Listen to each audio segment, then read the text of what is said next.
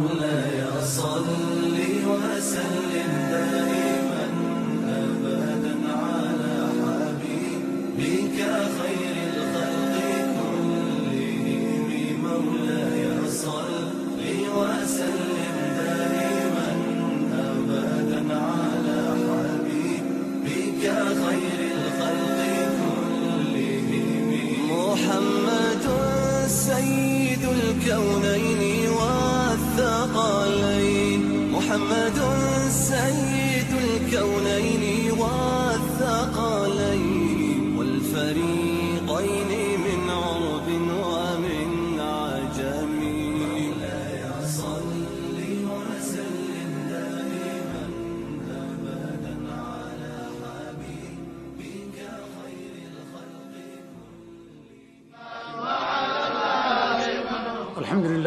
العالمين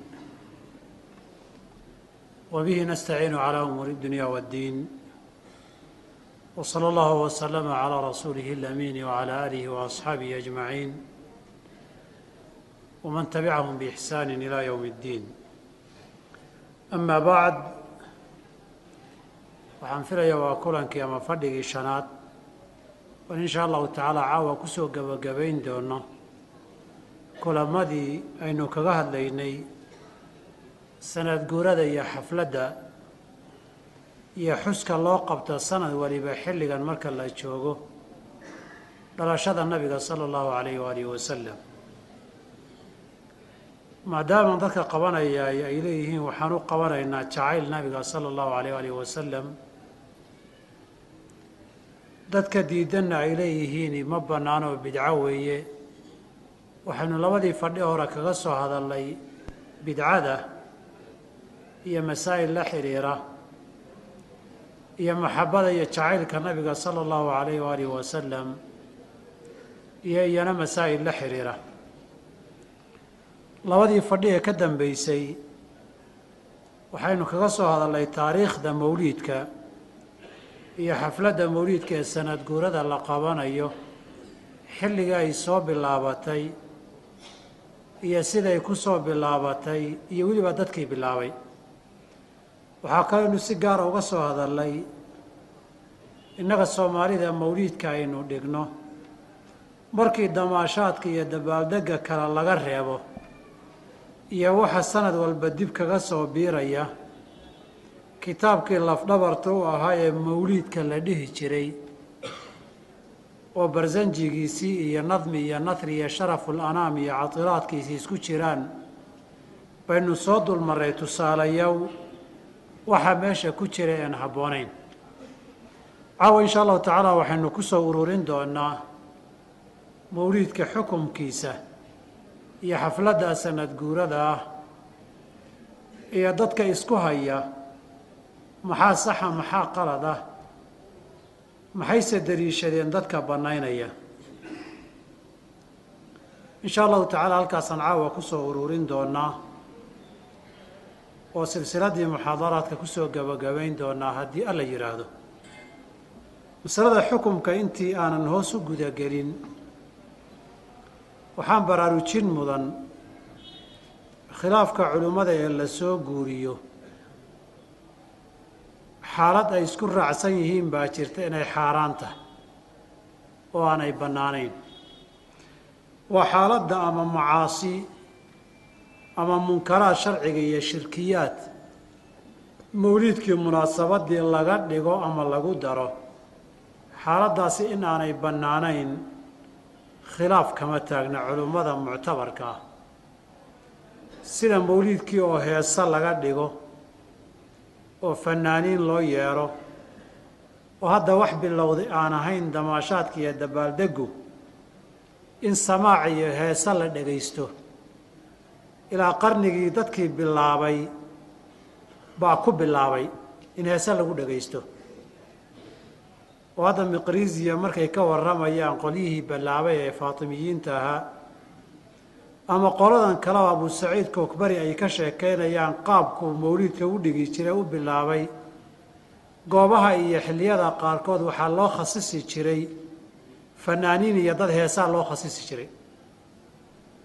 Marka xafladaha wadaniga waxba kama duwanayn. Ama haddii ay ka daran tahay intaasoo macaasidan kale raggi iyo dumarkii la ysdhex yaacayo ee la ysdhex dabaalanaya ikhtilaadka muxaramka uu dhacayo. Ama intaa kaba sii weynaato waxaynu soo aqriyaynay xalay iyo habeen hore ee shirkiyaadka iyo ilaahay kayrkii in la baryo ahayd uu yahay waxa la aqrinayo.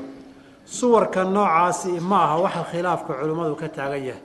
Kuwaasi qowlan waaxidan xaaraan wey. Muran iyo hadalna kama taagno.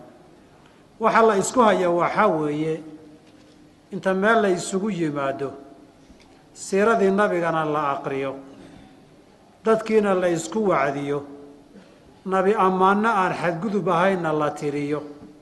Meeshiina cunti iyo xalawiyaad lagu cuno in lagu kala dareera intaa un dembi kale la gelin iyada lafteedu dembi ma tahay mise ma aha wey waxa la ysku hayo.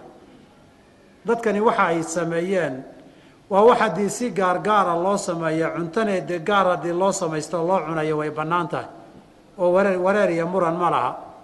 Oo habeen iyo maalinba waynu cunnaa munaasabaad sharcigoo iska bannaan oon isugu nimaadno aroos iyo qof la marti qaada iyo waynu leenahay. Iyo wanqal iyo wixii lamida haddii ay qofku siirada nabiga la aqriyana de waaba duruus iyo kutub joogto ah baa la akhriyaay oo laga qoray siiradii nabiga sala allahu alayh alih wasalam hadday dadku isugu yimaadaan salliga nabiga in la qaadiyo nabiga in la ammaan nabiga haddii la ammaanayo ama salligana dee nabigoo nool baa qasaa'id lagu ammaani jiro. Oo zuhayr kacb ibnu zuhayr iyo baanat sucaadu faqabli qalbi lyowma matmuulu mutayamun irahaa lam yufta makmuulu ilaa aakhiri qasiidadiisi. Ama qasaa'idkii xasaan ibni thaabit uu lahaa ama cabdullahi ibni rawaaxa uu lahaa kuwaasoo dhan nabiga qasaa'id iyo hadal caadi aba waa lagu ammaani jiray waxyaabahan haddii keli keli loo sameeya aan dembiga ahayn ee sharcigu ogol yahay ama mustaxabaad ajir laga helaya ha noqdaan ama mubaaxaad iska bannaan ha noqdaane haddii lagu beega munaasabadda mawliidka meelna la isugu yimaado xus iyo farxadna laga dhigo wax xumaato oo kalena aan lagu darin ama wax la qaaday oo la aqriyey ama rag iyo dumar isdhex yaacay ama heesiya waxaan habboonayn aan lagu darin ma bannaan tahay. Ajri ma laga helayaa mise waa lagu dambaabayaa halkaa way halka muranka culammadu ka taagan yahay ee aynu ka hadli doono taa waxaan ugu baraarujinaya inaad ogaataan wax badan oo hadda waxa dhacaya ama culimmo qaar u tiirinayaani culimmaduna ma banaynin u tiirintuna been abuurad weeye ama qofka ku been abuuranaya kas kame ahee waanu ogeyn ama waaba ula kasayoo dan iyo ujeeddi iyo layn baa ka soo galay oo waxbuu albaabo ku banaysanayaa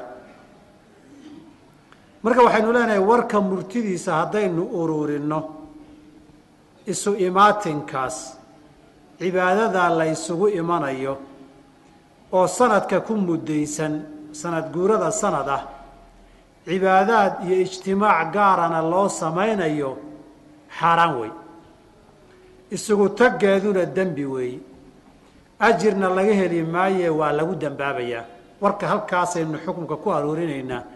Wixii dhiman wuxuu noqon laba arrimood oo xukunkaa daliilkiisa inaan caddeeyo. Iyo dadka warka xukunkaa diidan waxa ay daliil ka dhigteen inaan dabagalo. Labadaa unbaa ii dhimanaanaysa intaa wixii ka dambeeya. Waxaan leenahay dhowr arrimood iyo wujuuh tiro badan baa caddaynaya waxani inuu xaaraan yahay. Cibaadaha laga dhigay. Waxaa kow wejka koobaad. Waxaa la isku raacsan yahay inta bannaysay iyo inta xaaraantinimaysayba. Mawliidka sanad guurada iyo xafladu inay bidco tahay oon jiri jirin waa la isku raacsan yahay. Intii culimmada tiri xataa u qildayday waxay qirsan yihiin oy qoreen afkooduna kaga hadleen gacmahoodana ku qoreen inuu bidco yahay muxdatho ah oo gadaal laga keenay. Laakiin qilday bay isku dayeen. Masalada koowaad ee haddaba la isku raacsan yahay baa daliil u ah inuu xaaraan yahay. Maxaa caddaynaya in la isku raacsan yahay? Culimmada diidan aqwaashooda dib baaban kaaga keeni doonaaye. Inta mawliidku dhib ma laha tiri oo inuu bidco aan salafkii lagu aqoon jirin nabiguna samayn sal alla alay slam saxaabana samayn ee ama faatimiyiin bilaabeen ama qarnigii lixaad dhammaadkiisa ama kii toddobaad horraantiisa lix boqol oo sano ay dhammaatay isagoon xaflad mawliid iyo cibaadadiisa la aqoonin. Masaladaa ijmaac wey abu shaamat almaqdisi oo dadka u qiildeeyey iska mid ah xilligii waxaan bilowdeen culimmadii joogtayna ka mid ahaa kitaab wuxuu leeyahay in la yidhaahdo albaacith calaa inkaari albidaci waalxawaadith waxyaabaha qofka ku bixinaya bidaca iyo waxa cusub oo dhan in la diido. Safxada sagaashan iyo shanaad buu kaga hadlay mawlidka wuxuu yidhi wa min axsani mabtudica fii zamaanina xilligan aan nool lahay waxyaabaha iila fiican bidcooyinka la sameeyey bidcada la sameeyey. Ha wanaajiya wuxuu saqirayaa bidca inay tahay wa min axsani mabtudica fii zamaanina haada min hada alqabiili waxyaabahan bidaca waxaa iila fiican ee waktigeennan la sameeyey waa raggii uu la bilowday xilligii shaam uu ka bilaabanayay reer maqdis baytulmaqdis buu ahay maa kaana yufcalu bimadiinati irbil magaalada irbil wixii lagu samayn jiray kula caamin fi lyowmi almuwaafiqi liyowmi mawlidi nabiyi sala allahu calayh wasalam xafladaha lagu qaban jiray iyo farxadaha maalinta waafaqsan dhalashada nabiga sala allahu alayh wasalam xafladaha la qabto waqtiyadeennan bidaca la sameeyey bay iila fiican tahay buuri markii wanaagga laga tago wuxuu qiray bidca inay tahay. Waa ninka koobaad. Ninka labaad ee u qiildayey waa xaafid ibnu xajar raximah allahu tacaala isna hadalkiisa waxaa soo guuriyey siyuuti risaaladiisa xusnu lmaqsid fii camali lmawlid la yidhaahdo waxayna ku taallaa kitaabkiisa weyne alxaawi fi lfataawi juska koowaad boqol siddeetan iyo sagaal wuxuu leeyahy sidaa soo socota ibnu xajar baa la weydiiyey buu leeyahay ka waran mawlidka wuxuu yidhi buu yihi sidaa soo socota aslu amali aslu camali lmawlidi bidcatun lam tunqal can axadi min asalafi الصaalixi min alquruuni الhalaaثati wuxuu yihi camalka mawliidka iyo cibaadadan la samaynaya isutagan iyo farxaddan iyo bandhigani asalkiisu bidco weeye. Hal qof oo salafka quruuntii khayrka badnayda lagama soo guurin mana aanay samayn. Waxay sidaa tahayna in xun iyo in fiicanba way isdhex dabaalanaysaa buuhi walaakinahaa maca dalika qad ishtamalat calaa maxaasina wadidiha wax fiican iyo wax xunbana waa isku dhex dabaalanaysaa waxa la samaynayo wax fiican iyo wax xunba waa isku jiraan. Xaafid ibn xajar raxima llahu taala isna wuxuu halkaa qiray mawliidkan camalka iyo munaasabadda sanad guuradu inay bidco aan salaf laga soo gaarin tahay. Waa imaamkii labaad. Jalaaludiin siyuuti oo isna kitaabkiisa xusni lmaqsid oo xaawiga ku jira lagu weydiiyey.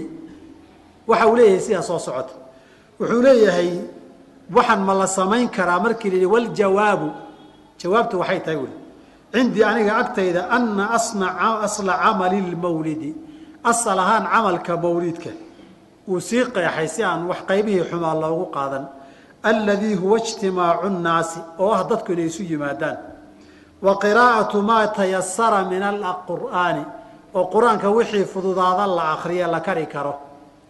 Wa riwaayatu alakhbaari alwaarida axaadiidta ku soo aroortay iyo akhbaartana la aqriyo fii mabda'i amri nabiyi sala اllah alay slam nabigu siduu ku dhashay iyo dhalashadiisii wamaa waqaca fii mawlidihi min alaayaati iyo mucjizooyinkii dhalashadiisa dhacay.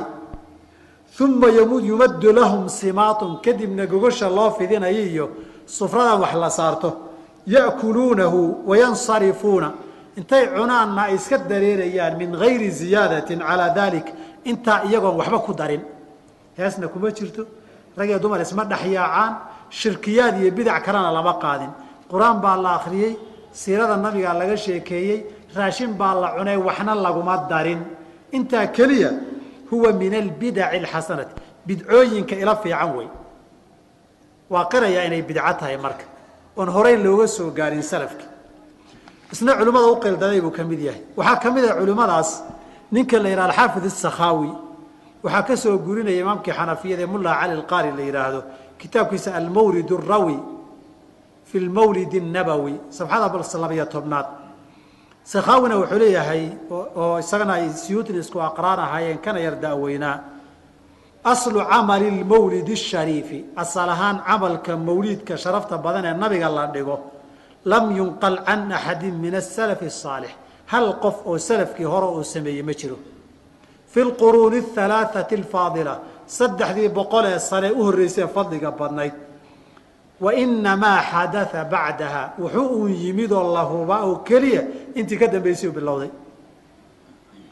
Waxaad shan ku dhahdaa nin haddaba mar dhow dhintay oo la yidhahdo moxamed ibni calawi almaliki oo kitaab mawliidka ugu qildaya qoro la yidhaahdo xawla alixtifaali bilmawlidi sabxada sagaal iyo tobnaad markuu marayay wuxuu yidhi falixtifaalu bilmawlidi xafladiyo sanad guurada mawliidka la qabtaay wain lam yakun fii cahdihi sal slam yaanay dhicinba taasoo kale xilligii nabige fa huwa bidcatun wey walaakinahaa xasanatun hase ahaatee waa ila fiican tahay laakiin waa qiray isagu say dooni hala noqoto laakiin mabdaa waxani inuusan jiri jirin oo mar dhow bilaabay cibaadadanna cibaado bidca ay tahay isna waa qiray ragga mawliidka difaacay waxaa ka mid a nin la yihahdo yuusuf irifaaci.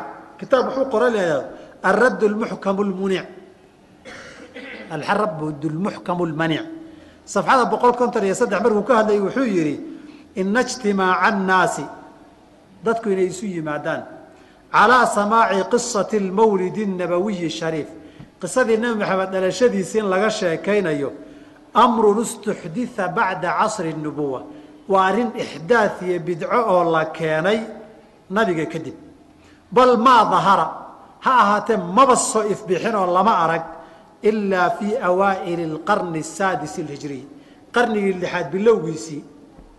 Waxaan filaya ereyga saadis uu leeyahay inuu saabic u jeeday baan filayaa. Adugu haddii hadalkiisaba la qaato shantii boqol ee sane hore maba la aqoon buu leeyahay. Kitaabkana wuxuu u qoray mawliidka inuu u qaylbixiyo lixdaa nin aan kaga gaabsada ilaa dhowr iyo toban baan hayaaye raggii u qaylbixinayey oo qiray mawliidku inuu bidco gadaal ka timid yahay.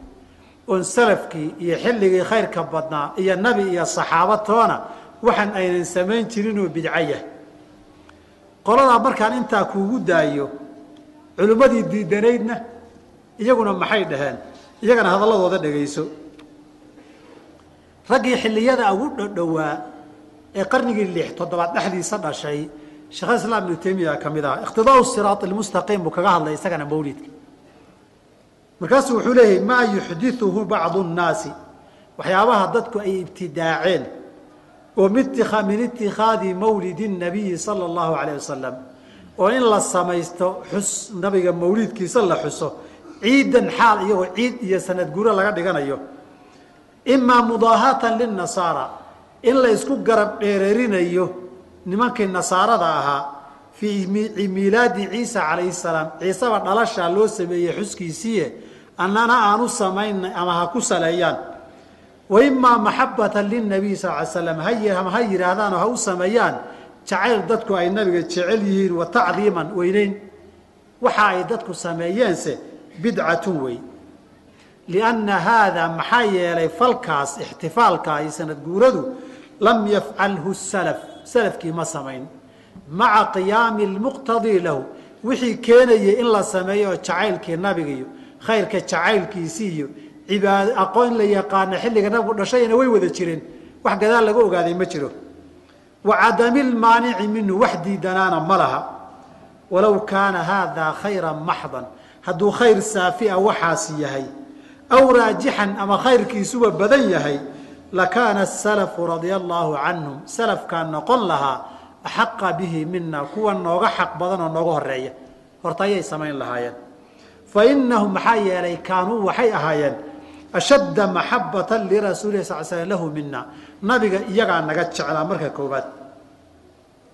Wahum isla iyaguna cala alkhayri axras khayrka waa nooga dadaal badnaayeen wa inamaa kamaalu mutaamacatihi wa aacatihi wa itibaaci amrih laakiin khayrkee nooga degdeg badnaayeen baa wuxuu ahaa nabiga in la ateeco amarkiisa la qaato si dhammaystiranna loo raaco sunnadiisa la nooleeyaa baainan wa isagana halkaasuu hadalkiisa marinaya waxaa kale oo raggii iyagana diidanaa ee ka hadlay ee wax dheer ka qoray ka mid ahaa ninka la yidhahda abu cabdillaahi muxamed ibni muxamed ibni muxamed alcabdari oo loo yaqaanay ibn alxaaj almaliki kitaab almadkhal la yidhahduu leeyahay isna toddoba boqol soddon iyo toddobadii buu dhintay. Ninkaasi wuxuu leeyahay mawliidkuu ka hadlay waxa hees la qaado waxa rag iyo haween isdhex yaaca waxa munkaraad ku jira. Marka wuxuu yidhi haadihi almafaasidu murakabatun calaa ficli lmawlidi intaasoo mafsado ah oo isdul saarani waxay ka dhalatay sanad guurada iyo xuska mawliidka. Idaa cumila bisamaaci haddii heese lagu dhagaysto taasi waa tii la ysku raacsanaa xaaraantinimadeeda. Laakiin haddaan heese lagu darin ka waran oo intii siyuudiya sheegeen la sameeyo fain khalaa minhu samaac iyo hees haddii laga fa laga daayo. Wa cumila طacaaman faqad cunto keliya uun la sameeyo wa nuwiya bi nuwiya bihi lmawlidu. Mawlidkii iyo dhalashadii nabigana loola niyoodo. Wa dacaa ilayhi اlkhwaana walaalaha iyo asxaabtana cuntada munaasabada loogu yeero. Wa salima min kuli ma taqadama dikruhu. Intii xumaati iyo dembi aan sheegno dhanna laga ilaaliyo fa huwa bidcatun wey markii wax walba laga ilaaliyo fa huwa bidcatun binafsi niyatihi faqad mawlid baa niyooday lafteedaa bidcaa oo niyadan aad cibaadada uga jeeda lafteedaan salaf ba lagu aqoonin id ana dalika maxaa yeelay arrintaasi ziyaadatun fi ddiini diintii wax lagu soo daray weeye cibaado aan diintu aqoonoo la keenay wey walaysa min camali salafi lmaadiin salafkii tegay camalkoodi iyo dhaqankoodi iyo caadadoodina ma aha waatibaacu salafi wlaa salafkii in la raacaa ka fiican waxa kaloo dhan. Bal awjabu iyadaa waajiba min an yaziida inuu ziyaadiya min mukhaalafati maa kaanuu calayh. Waxay cibaadadoodii in wax kaloo khilaafsan lagu soo daro waxaa ka waajibsan iyaga intay ahaayeen in la raaco. Maxaa yeelay liannahum ashaddu nnaasi iyagaa dadka ugu adkaa itibaacan lisunati rasuli sal slam nabiga sunada raacitaanka sunada nabiga iyagaa inoogu adadkaa wa tacdiiman lahu weynaynta nabigana iyagaa inoogu horeeyey walisunatihi sunadiisa la weyneeyey sala allahu alay wasalam isagana halkaasuu maray. Juska labaad laba boqol soddon iyo afar buu kaga hadlayaa waxaa ka mid ah raggii kitaabta ka qoray ee xaaraan inuu yahay sheegay ibnulxaajna dhowr sana ka horreeyey dhimashada. Alimaam taajuddiin cumar bni salim allakhmi ee loo yaqaana alfaakihani oo toddoba boqol soddon iyo afartii dhintay. Isna kitaab wuxuu qoray la yidhahda almawlid fii camali lmawlid isna safxada labaatan ko iyo labaatan wuxuu ku leeyahay laa aclamu lihada almawlidi asla fii kitaabin walaa sunna. Wax asal iyo raadoos kitaab ilaah iyo sunno nabi ku leeyahay garan maayo. Walaa yunqalu camaluhu can axadi min culamaai اlumma hal qofoo culimmadii ummadda oo laga soo guuriyey inay mawlid sameeyeenna ma jiro aladiina hum lqudwatu fi اdiin kuwaasoo diinta dadka lagaga daydo. Almutamasikuuna biaahaari اlmutaqadimiin kuwaasoo ah kuwa haysta jidkii dadkii ka horeeyey dariiqoodii. Bal huwa bidcatun. Haba hase ahaatee waaba bidcaba mawliidku. Axdathaha albataaluuna dad shaqa la'aan ah. Ay ay sameeyeen buui waa bidca dad shaqa la'aan oo baagamuuddo ah ay sameeyeen wa shahwatu nafsin naf waxay jeclaatay weeye ictanaa biha alakkaaluuna kuwii cuntada jeclaa inay wax cunaanun ka dhargaan rabay baa daneedyo oo buunbuuniyey buuhi waxaan ka dhigay. Meel cunto loo soo doonta weeyo raashin iyo welimadoon kuwa ah oo calooshooda uun cuna baa meesha shaqo ka dhigtay oo buunbuuniye waa la gaaray suuqu yeelay buui bidaliili ana idaa adarnaa calayhi alaxkaam alkhamsa waxaa ku tusaya buuhi axkaamtii shanta ahayd waajib sunno makruuh muxaram mubaax shantii xukun haddaan u dhigno qulnaa waxaan leenahay imaa an yakuuna waajiban. Kow mawaaj inuu waajib yahay. Aw manduuban waa inuu yahay. Aw mubaaxan waa inuu yahay. Aw makruuhan inuu yahay. Aw muxaraman waa inuu yahay. Walaysa biwaajibin ijmaacan. Ummaddu inuusan waajib ahaan waa ijmaac la ysku raacay. Khilaaf kama jiro waa kow.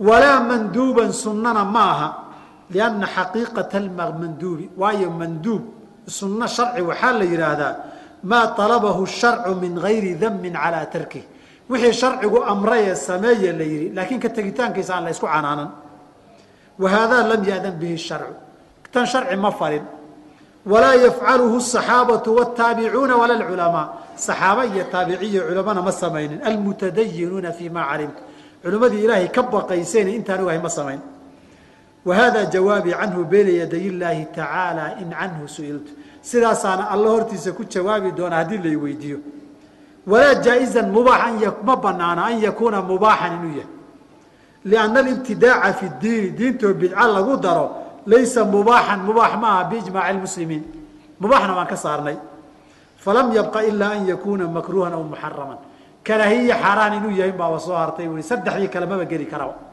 halkaasuu imaamu lfaakihaanin isagana ka baxay. Waxaa ka mid a ragga kale iyagana ka hadlay maxamed cabdisalaam ishuqayri ninkii iskale kitaabka asunan wlmubtadacaat almutacaliqatu biladkaari wsalawaat sabxada boqol soddon iyo sideed ilaa boqol soddon iyo sagaal buu isna kaga hadlay. Intaa waxaan caddaynaynaa culummadii qaybahooda kala duwan. Waxaan inuu bidco yahay way isku raaceen. Isagana wuxuu leeyahay faاtikhaadu mawlidihi mawsiman mawlidka dhalashada nabiga sanad guuro in laga dhigto la xuso. Wاlاxtifaalu bihi in xaflado loo qabtoo la xusaay bidcatun munkaratun dalaalatun. Bidca xun oo baadi a wey. Lam yarid bihaa sharcu walaa caqlu sharcina ma sheegin caqli saxana ma sheegin. Walow kaana fii haadaa khayru. Haddii waxaasi khayr yeelan leeyahay kayfa yakfalu canhu abu bakrin wa cumaru wa cuhmaanu wa hadduu khayr yahay sidee bay u garan waayeen abu cumar cuhmaan cali wa saa'iru asaxaabati saxaabadii kaloo dhan iyo taabiciintii wa kuwii ka dambeeyey walaimatu afartii aimadee la raacsanaayo wa dadkii raacsanaa ilaa shan boqoloo sano see loo garan waayo hadday khayr tahay wuxuu leeyahy mas'aladaasi isaguna halkaasuu marayaa intaa hadday caddaato. Oon caddaynay culimmadii dhammaan inay isku raacsan tahay bidco gadaal ka timid inuu yahay. Waxaan inay cibaado yahay. Bidco xukunkeed muxuu yahay? Baan wejka labaad uga gudbayaa. Bidcaheedde wax badan idiin tilmaami maayo waan ku soo bilaabay muxaadaraadkaygii. Waxaynu hadda meel dhignay xafladan iyo sanad guurada mawliidku biijmaaci culamaai lmuslimiina bidco wey salafkiina nabiguna ma samayn saxaabana ma samayn salafna ma samayn ama saddex boqol lixdan iyo labadii bay faatimiyiin bilaabeen ama lix boqol aakhirkeedii ilaaba toddoba boqol horaanteedii baa rag kala bilaabeen haddaan raggaa kala nidhaahnana dee lix boqoloo sano lama aqooninuu hore kadib baa diin iyo cibaado laga dhigay kadib nabina lama soo dirin waxyina ma soo degin. Shariico cusub oo cibaadaad jidaysana ma iman. Bidco weeye marka. Bidco ilaahay ma lagu caabudi karaa. Bidco in la sameeyase ma bannaan tahay.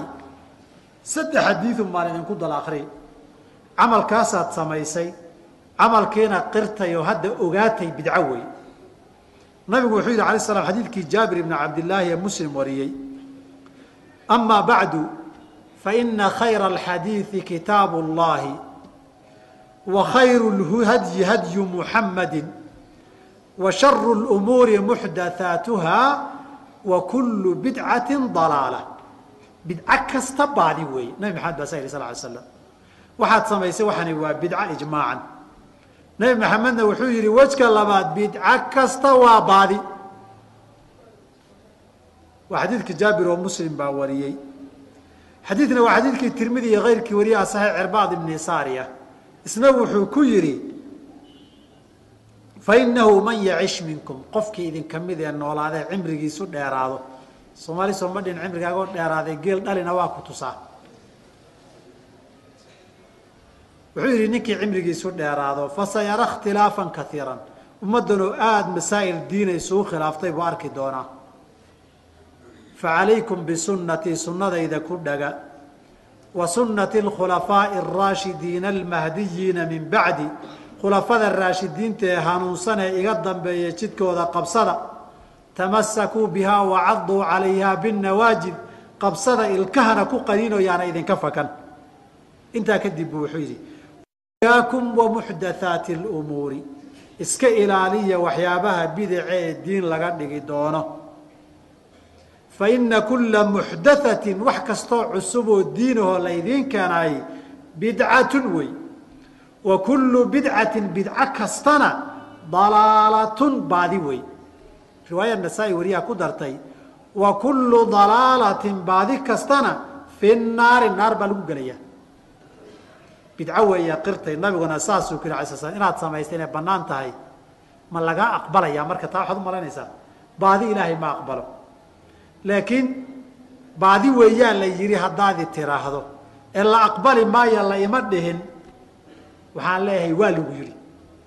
Oo xaggee laygu yidhi waxay bukhaari iyo muslim wariyeen min xadiidi caaisha radia allahu canha wa inuu yidhi man axdatha fii amrina haada diintayada ninkii ku soo dara xadath iyo bidco ku soo dara maa laysa minhu waxaan ka mid ahayn fa huwa raddun waa lagu celinayaa waa lagu tuurayaa. Riwaaya muslim waxay ahayd man camila camalan camal qofkii sameeya laysa calayhi amruna diintayadii iyo nusuustii sharcigeenna laga dhaxlay aan sal ku lahayn fa huwa raddun waa lagusoo laguu soo celin laga aqbali maayo. Waxaan u malaynayaa qodobka labaad warkaasna waa cadyah wejka saddexaad waxaan leenahay bidcadan dadkii keenay sida runta ah muslin ma ahayn. Waxaynu soo caddaynay waxaa keenay faatimiyiintii.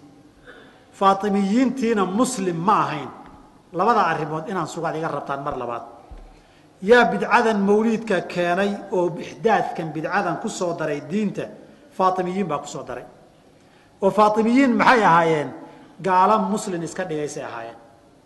Labadaa warba inaan idiin sugoon meel idiin saaraad iga rabtaan faatimiyiinta inay bilaabeen warkii aan taariikhdiisa idinku idhi baan qayb idiin soo celin maadaama munaasabadeedu soo noqotay alimaam axmed ibn caliy almiqrizi raximah llahu tacaala kitaabkiisa alkhuط wاlaathaar wuxuu ku leeyahay kaana lilkhulafaaءi اlfaatimiyiina fii tuuli الsanati acyaadu wa mawaasim faatimiyiinta khulafadooda iyo madaxdoodu sanadka dhan maritaankiisa waxay lahaan jireen ciide iyo sanad guurooyin bay lahaan jireen.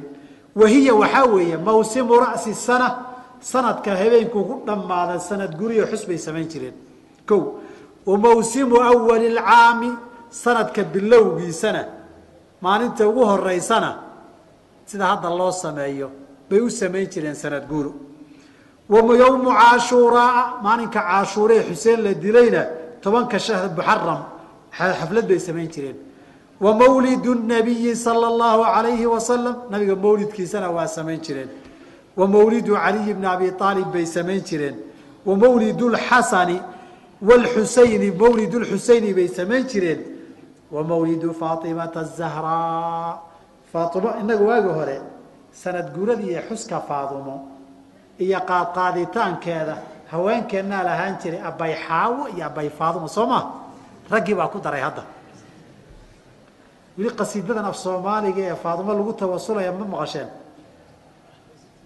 Foolku nuur badanay tii firdowse joogtaay gacanta noo fidiyay ma maqasheen weli kuwa ergaan nahayay ma maqasheen iyada. Bidcada baalka mariyay ma maqasheen. Waa wixiiba baasha waa laga dardaraya. Waa carabigaan la yaabanayne kii carabigaha waa laynoo soomaaliyeyna iyagoo gabaya soomaaliya keenen qalqashandii ninka la yidhaahdo kitaabkiisa subxulcashaa isna markuu ka hadlayay wuxuu yihi jalasaadkii faatimiyiinta aljuluusu athalith juluusuhu khaliifadu wuxuu fadhiisan jiray fii mawlidi nabiyi sala allahu alayhi waalihi wasalam dhalashada nabiga wuu samaysan jiray labiyo tobanka bisha rabiicil awal ee mawliid markaasuu intaasoo raashida samayn jiray waxaa ka mid a ninkii masar muftiga ka ahaan jiray faqiihii xanafiga ah moxamed ibni bakhit lmuiici wuxuu leeyahay ina awala man axdathaha bilqaahirati alkhulafaau alfaatimiyuun wa lmucizu lidiin illaahi saddex boqol lixdan iyo labadii shantii bishii ramadaan buu qaahiro tagay waa ninkii qaahiro dhisay. Intaa faatimiyiinta inay bilaabeen qodobkii horaan kaga bixi faahfaahintaa ka badan taariikhda markaan ka soo hadlaynay baan ka soo hadalay faatimiyiinay maxaad ahaydeen? Diinteed haysateen. Culimmadii muslimiinta taariikhdoodii waxay qoreen dhegayso abu shamat almaqdisi almukharikh oo shan boqol sagaal iyo sagaashankii dhashay lix boqol lixdan iyo shantiina dhintay. Baa wuxuu qoray kitaab la yihahda alkitaabu rawdatayni fii akhbaari dawlatayni safxada laba boqol laba boqol iyo laba wuxuu leeyahay faatimiyiintii adharuu linnaasi anahum shurafaa asharaaf inay yihiin bay dadka u sheegteen faatimiyuuna faaduma inay ku abtirsadaan bay u sheegteen famalaku lbilaada waqaharu lcibaad dhulkiina waa qabsadeen addoommadiina waa dullaysteen waqad dakara jamaacatu min akaabiri lculamaa rag badan oo macluumadii waaweyneyd waxay sheegeen annahum lam yakunuu lidalika ahlan arrintaa inaanay ahl u ahayn xaq u lahayn walaa nasabuhum saxiixan. Nasabkiiyo dhalashada ay sheegteene asharaaftana uu beeyi hoosan jirin.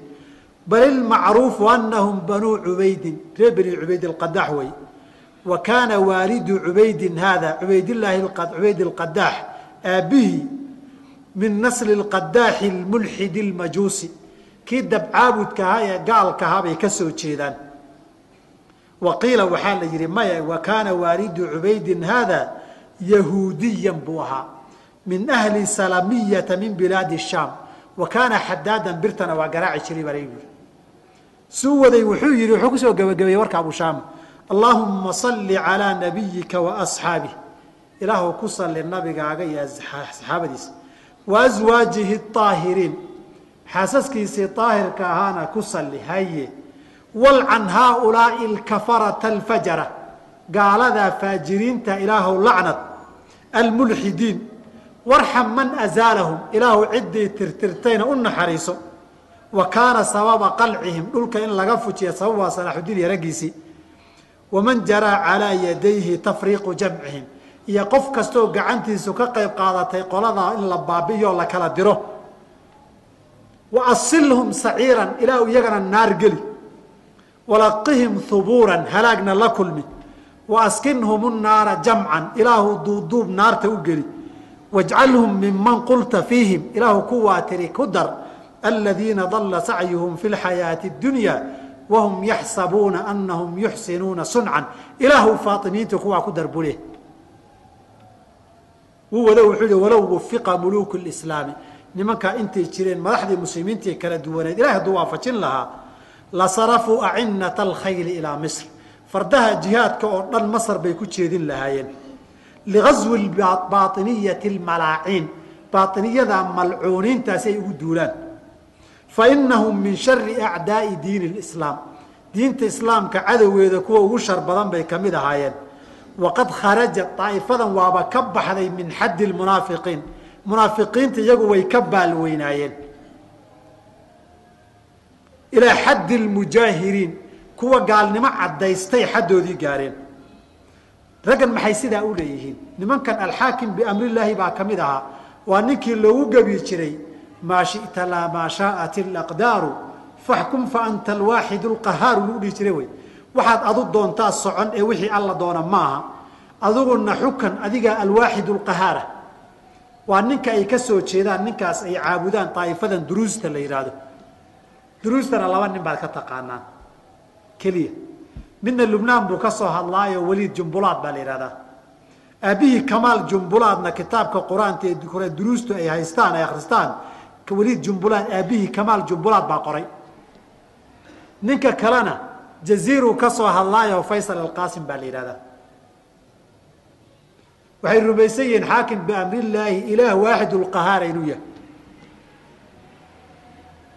Labadaa nin baad idinku ka taqaanaan duruus nimanka la yidhahdo halkaasoo abushaama ku gebagabeeyey ibnu khallakaan fii wafayaati alacyaan wuxuu ka hadlay wuu ka hadlayoo wuxuu yidhi waqahlu lcilmi bilansaabi min almuxaqiqiina. Dadka ansaabta iyo abtirka dadka yaqaanee dhabta ah yunkiruuna dacwaahum fi nasab. Waxay sheeganayaanay aalubeydnimadaa way diideen. Dadka diiday magacyadoodan qaar kuu soo socdaa abu xaamid alghazaali baa kitaab nimankaa ka qoray la yidhahda fadaaixu lbainiya baatiniyadan ceebtooda banaanka soo dhigi. Uwa dawlad baynu ahaayeen waktigiisii kitaabkiisi wuxuu ku soo gebagabeeyey safxada soddon iyo toddoba wuxuu yihi dhaahiru madhabihim rafdu wa baainuhu lkufru lmaxdu inta ay muujistaan waa shiicannimo. Hoostana gaalnimo baraxla oon waxba loogu gabanin wey.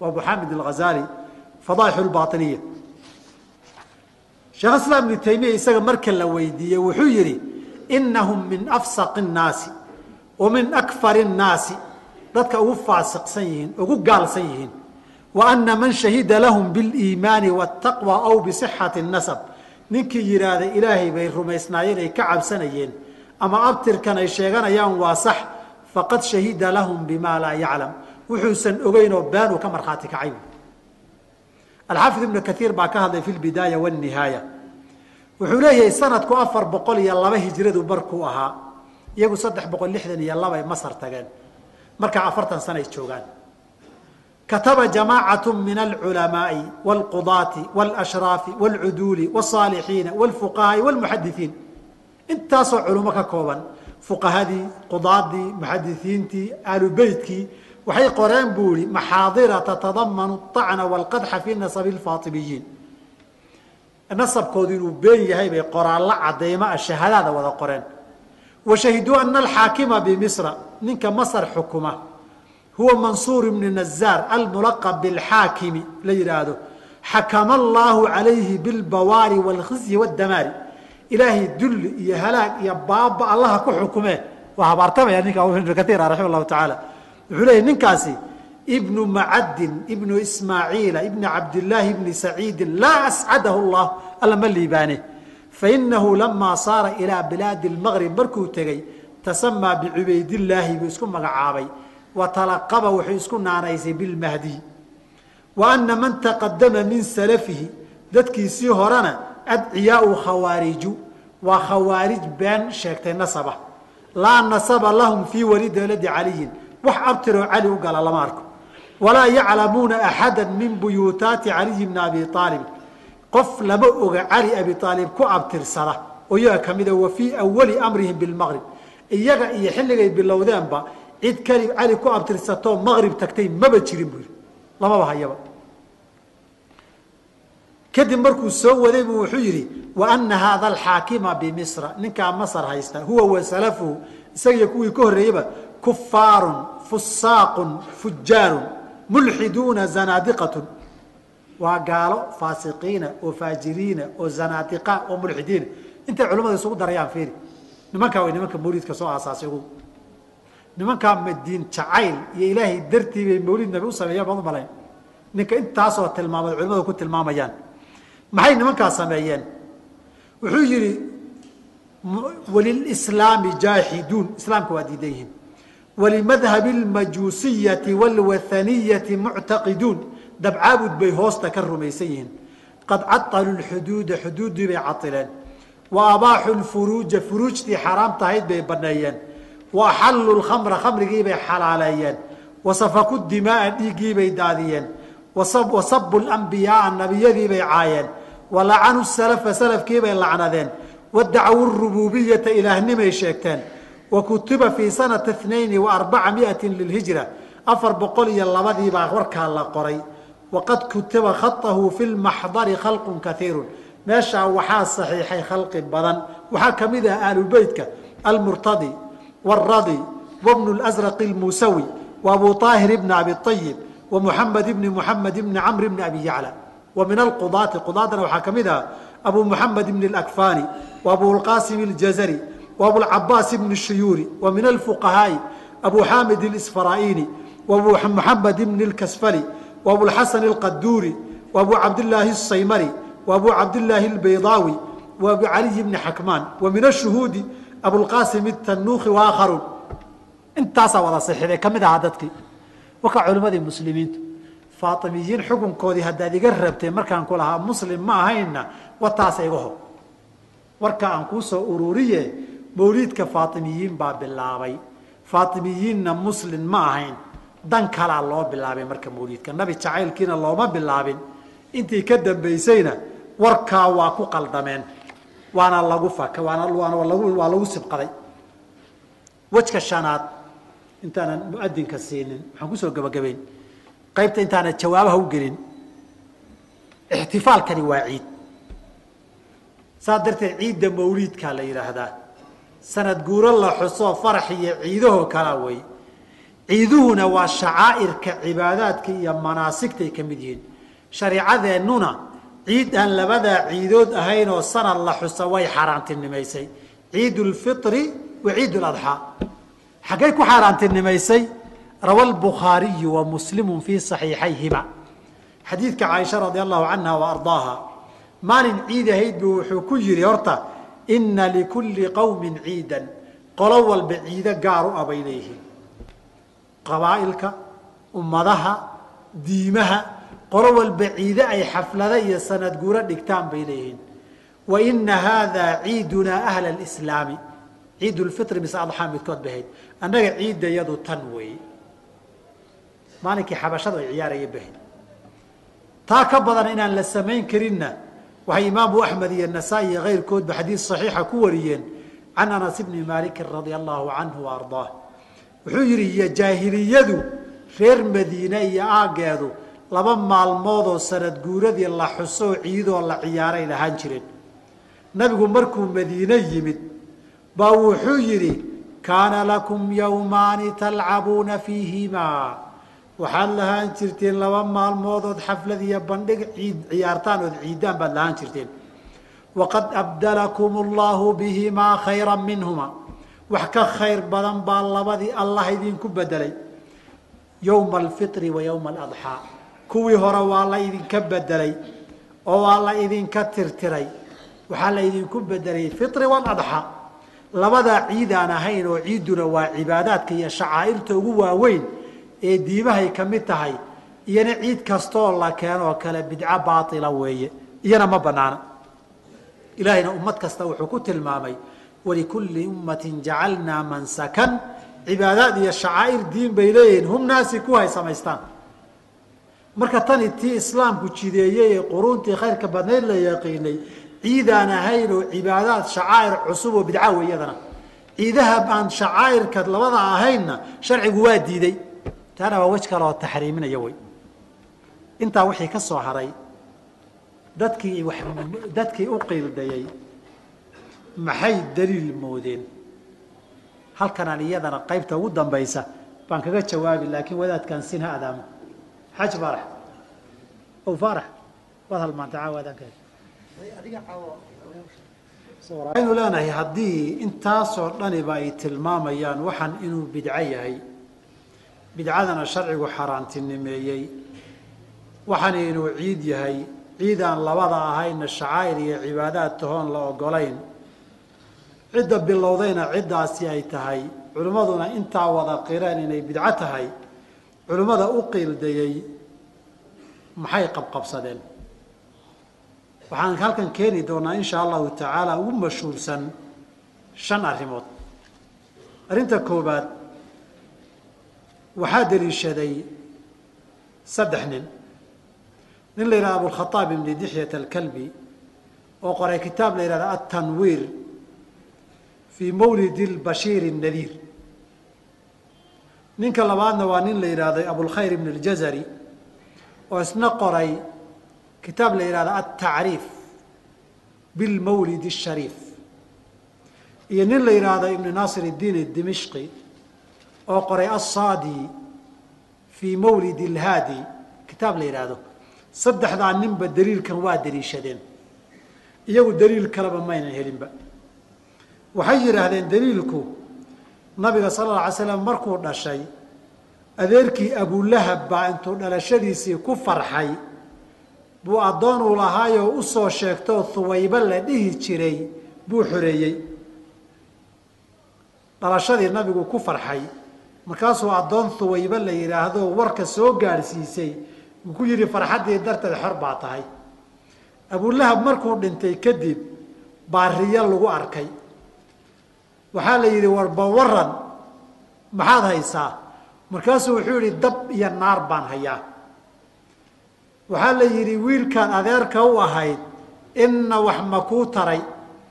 Wuxuu yidhi maya e laakiin maalinka isniinta ah oo maalinkii uu dhashay ah oon gabadhaa dartii u xoreeyey baa cadaabka la iga khafiifiyaa.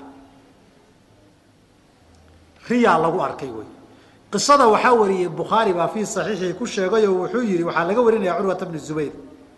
Wuxuu yihi wa huwaybatu mawlaatun liabi lahabin addoon lahaa oo xoreeye ahayd. Kaana abulahabin actaqahaa abulahab baa xoreeyey faardacat nabiya sala allahu alayhi wasalam nabigay nuujisay. falamaa maata abulahbin markuu dhintay uriyahu bacdu ahlihi bishari xaybatin xaalad xun bay ku arkeen riyadii. waxaa lagu yidhi maadaa laqiita war maxaad la kulantay wuxuu yidhi lam alqa bacdakum gayra annii suqiitu fii haadihi bicitaaqatii huwaybatan huwayba gadaashiin wax khayra ma arag laakiin waxaa biyo yar la igu waraabiyey. Xorayntii huwayba aan xoreeyey. Intaabaa halkaasaa xujo laga dayay waxaan leenahay warkaasi war diin ama noqon karaa maya. Marka koowaad waxaan leenahay abulahab oo qur'aan ku soo degay oo la yidhi tabbat yadaa abi lahabin wa tab. Oo ilaah yidhi sayaslaa wuxuu ku guban doonaa naaran daata lahab ololaysa wamra'atuhuna waa guban doontaa. Qur'aanka saa lagu yidhi nabigana aada ula dagaalamay oo ula coloobay isaga iyo wiilashiisiiba. Gabdhuhu ka qabayna markuu nabinimada sheegay wiilashiisu ka qabeen fura yidhi ka soo furay. Dagaalka halkaa la galay riyaa lagu arkay. Riyada yaa arkay lama yaqaan. Qof dadkiisii kamida wey. Qofka riyada lagu arkayna waa gaal. Nin gaalnimo ku dhintay wey kow marka koobaad waxaan leenahay warkan curwaa sheegay. Curwo ma noolayn goortu abulahab dhintay. Abulahab qabla alhijru dhintay. Curwana nabigaba ma soo gaarin sala allahu alayh ali wasalam walaalkii cabdillahi bni zubayr oo yar buu nabigu dhintay. Warkan xadiid mursala wey mursalkuna imaamu muslim muqadimada saxiixiisa waa ka ku yidhi wlmursalu fii qowlina wa qowli ahli اlcilmi biاlahbaari min aqsaami aciifi xadiidka mursalkaa ah, annagu madhabka iyaga iyo ahlulcilmiga xadiid yaqaan madhabkoodu daciifku ka mid yahay.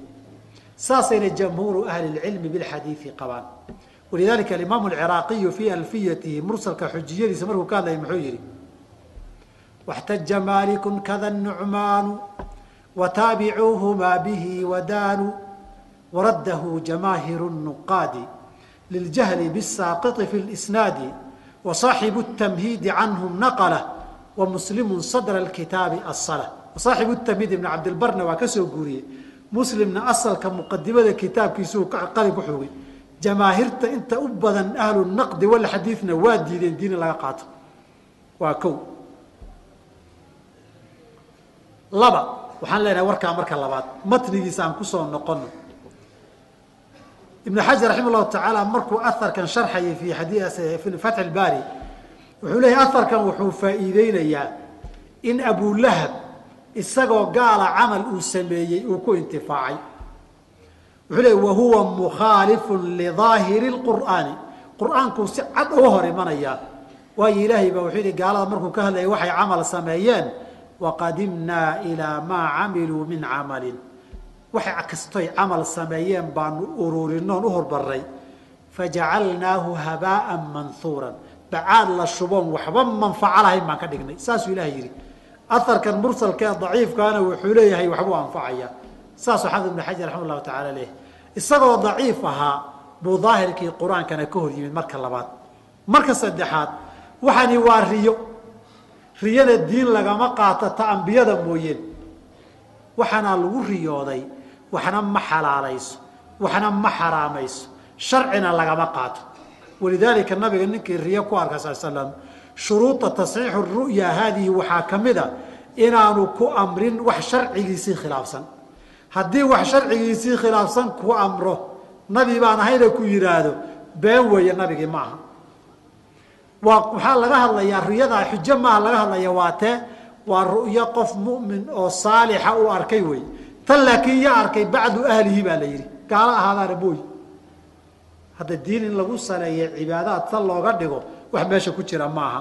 Intaa la ysaga hari maayo waxaan leenahay ma jirtaa inuu abulahab huwaybo xoreeyey xilligii nabigu dhashay. Waa masalo caddayn u baahan caddaynna looma heli karo. Wax sanad oo sugan laguma caddayn karo. Culimmada mu'arikhiintana way isku haystaan. Miyuu xoreeyey mise isagoon xorayn buu ka dhintay. Waa masalo lagu haysto curwata bnu zubayro ragaan isaga ka da'yarayn baa waxay diidan yihiin.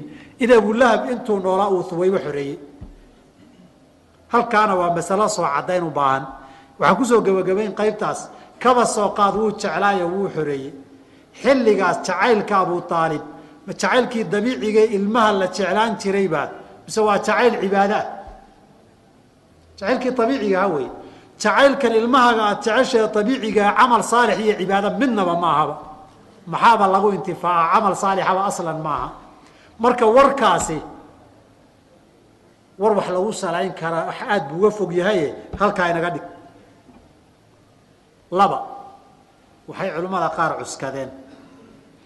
Waxay yidhaahdeen waana daliilka siyuuti iyo xaafid ibni xajar ay waxoogaa igu qiildayeen wey waxay dhaheen sawmu yowmi cashuuraa sharcigu jideeyey nabiguna wuu cileeyeyoo wuxuu yidhi maalintii ilaahay fircawn halaagay.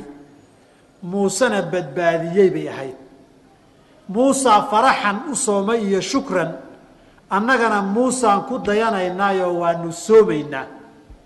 Saasuu nabigu yidhi sal ly slam yowma cashuuraa haddaba shukran lilaahi waa loo soomay inuu muuse iyo mu'miniintii reer bani israa'iilna badbaadiyey. Fircawn iyo intii caabudaysay iyo ciidankiisiina gamta lagu istaago biyaha lagu halaagay. Xadiidkaas fircawn maalinkii la halaagay baa nabi muusena soomay shukran lilaahi ma looga qiyaasan karaa xafladan iyo ciidan sal ma looga dhigi karaa. Waxaan leenahay maya dhowr arrimoodba waxaan leenahay qiyaaska soonka iyo ciidda la ysaga qiyaasto laba labadaba uma suurageli karo. Mar waan soo marnayoo soon iyo ciid waa laba dhabarka isu duuyoo kala jeeda wey. Walidaalika baa waan soomay iyo waan ciiday waa kala laba. Saan u soomanahay baa markuu dhammaadaan ciidna. Maalinka ciidda in la soomo lama ogolo soom maxaa la yidhaahdaa cuntada iyo cabitaanka inaad dayso? Ciidna maxaa la yidhaahdaa inaad cuntood cabto wey haddii nabigu jinsiga shukrigii ahaa waa shukri bannaan weeye. Mar kastoo ilaahay niqmo musiibo kaa qaado ama ilaahay nicmo ku siiyo inaad shukran sadaqa ula baxdo ama ilaahay aada ugu sujuuddo ama aada u soonta waa la ogolyahay taasi waa mas'ala. Nabigu wuu soomay. Ayaamta ciidaha ana soonka waa xaaraantinimeeyey. Dadkii xafladaha ciidda dhigi jireen oo aan soonna haddaad tiraahdo waaba karaahiyaba ciid lama soomo waaba beryaha bashuuqe axdaaha alakaaluuna uu faakihi lahaatan iyo waagaas weeye wuxuuba ku bilowdayba xaflad iyo bandhig iyo raashin la cunuu ku bilowday. Marka munaasabad ciidoo halla cuno ah soonkii baan ka qaatay inaan wax cunaaye laba isgeli kara maaha. Marka labaadi mas'aladani waa acyaad. Acyaaduna asalkeedu waa shacaa'ir cibaadada tawqiifa wey midda saddexaad culimmadu xadiidka inay yidhaahdaan haddana nafsi waqti ay qiraan waa bidco laakiin haddana ha la sameeyo war iska hor imanaya wey war waa bidcay yidhaahdeen labadooduba. Bidcana kullu bidcatin dalaalatu nabigaana yidhi bidcaa fiican marka cid kaloo warkeeda ka dhagaysanayna ma laha. Daliilka saddexaad siyuuti baa isku dayey bal waxoogay inuu luuqluuqo. Wuxuu leeyahay wuxuu bayhaqi wariyey in nabigu markuu calayh salaatu wasalaam isagoo oo weyn markii nabi laga dhigay kadib buu iska wanqalay. Nabigu isagoo weyn oo nabi ah buu wanqalkiisii sameeyey. Waxayna qisaska taariikhdu sheegeen awowgii cabdulmualib baa wanqalka waa hore ka sameeyey. Marka waa munaasabad xus shadiisii bay yidhahdeen waxay yidhahdeen culimmadu kadib marka hore waxaan inuu jiroo dhacay horta sug meel saar. Ma jirtaa nabigu inuu caqiiqo iska sameeye maya been wey warkaa been aan sal iyo raad lahayn wey warkaa waxaa soo sheegay ku wareegayaa nin la yidhahda cabdullaahi bni muxarir oo ragga muqadimada muslim majruuxiinta lagu sheegay ka mid a bukhaari isagu wuxuu leeyahay matruuku lxadiid nin xadiidkiisa la tuuro qashinka lagu daray wey nasaa-ina sidoo kale uu leeyahay. Ninka la yidhahda abu xaatimna sidoo kale uu leeyahay. Ibnu xibbaan wuxuu leeyahay isagoon ogeyn kaana minman yakdibu walaa yaclamu. Isagoon isgaranaynin buu beenta daadin jiray buu leehay wayaqlibu lisnaada walaa yafhamu sanadkana waa dabagedin jiray isagoon isfahansanan waxba garanaynin bu ninkaas. Culimmadu bal markuu xadiidkaa sheegay baa bayhaqi baa cabdirasaaq ka warinaya cabdillahi bn muxaram meesha lagaba raacay oy culimmadoo dhanba usha u saareen liajli hada alxadiid. Qisadan lafteeda wey war ninkii wuxuu ka soo dalaba waxaan u qiildaynayba hadduuba been cad la soo istaagay burka saaraa la yidhi. Burkaaba la saaray ninkii. Walidaalika imaamu nawowi fii sharxi majmuuc sharxi lmuhadab markuu ka hadlayay wuxuu yihi huwa xadiiu baailun xadiid been oon sal iyo raad lahayn wey wa cabdullaahi bni muxararin muttafaqu calaa dacfihi. Ninkaana culimmadu waa isku raaceen inuu daciif yahay. Ninkaa warkiisaaba cibaado weyn lagu salayn iyadana meel qashinka iskaga dar. Wax badan baa qashinka ku soo tuurtaye warkaana war diin laga dhigi kara meehe qashinka ku dar. Midda afraad iyadana siyuuti baa keenay. Oo wuxuu leeyahy nabigu maalin isniinu dhashay. Isniintana waa soomi jiray. Markaasaa la weydiiyey. Markaasuu wuxuu yihi dali daaka yowma wulidtu. Waa maalinkii aan dhashay wuli isniintu xadiidkaa ma jira haa xadiidkaa waa sax. Nabigu waa soomay. Daliil ma u noqon kartaa in la ciidaysta laba labadaba markaad eegta maya. Ama saddex arrimood baan jawaabood baan bixinaynaa. Kow nabigu uma soomin inay maalinkii u dhashay tahay. Xadiid kaleu ku faahfaahiyey axaadiidta nabigana in la isu wada keeno bay ku fiican tahay wuxuu ka hadlay. Wuxuu soomi jiray isniin iyo khamiis waxaa la weydiiyey sababta. Wuxuu yidhi maalinka khamiista iyo maalinka isniinta acmaasha ilaahay kor loogu sii qaadaa waxaanan jeclahay anoo sooman camalkayga kor in loo sii qaado. Halkaasuu si fiican ugu faahfaahiyaa nabigu xikmaddu u soomay. Haddaba dhalasho ma xuseyne isniin iyo khamiis buu isku cillad u soomay.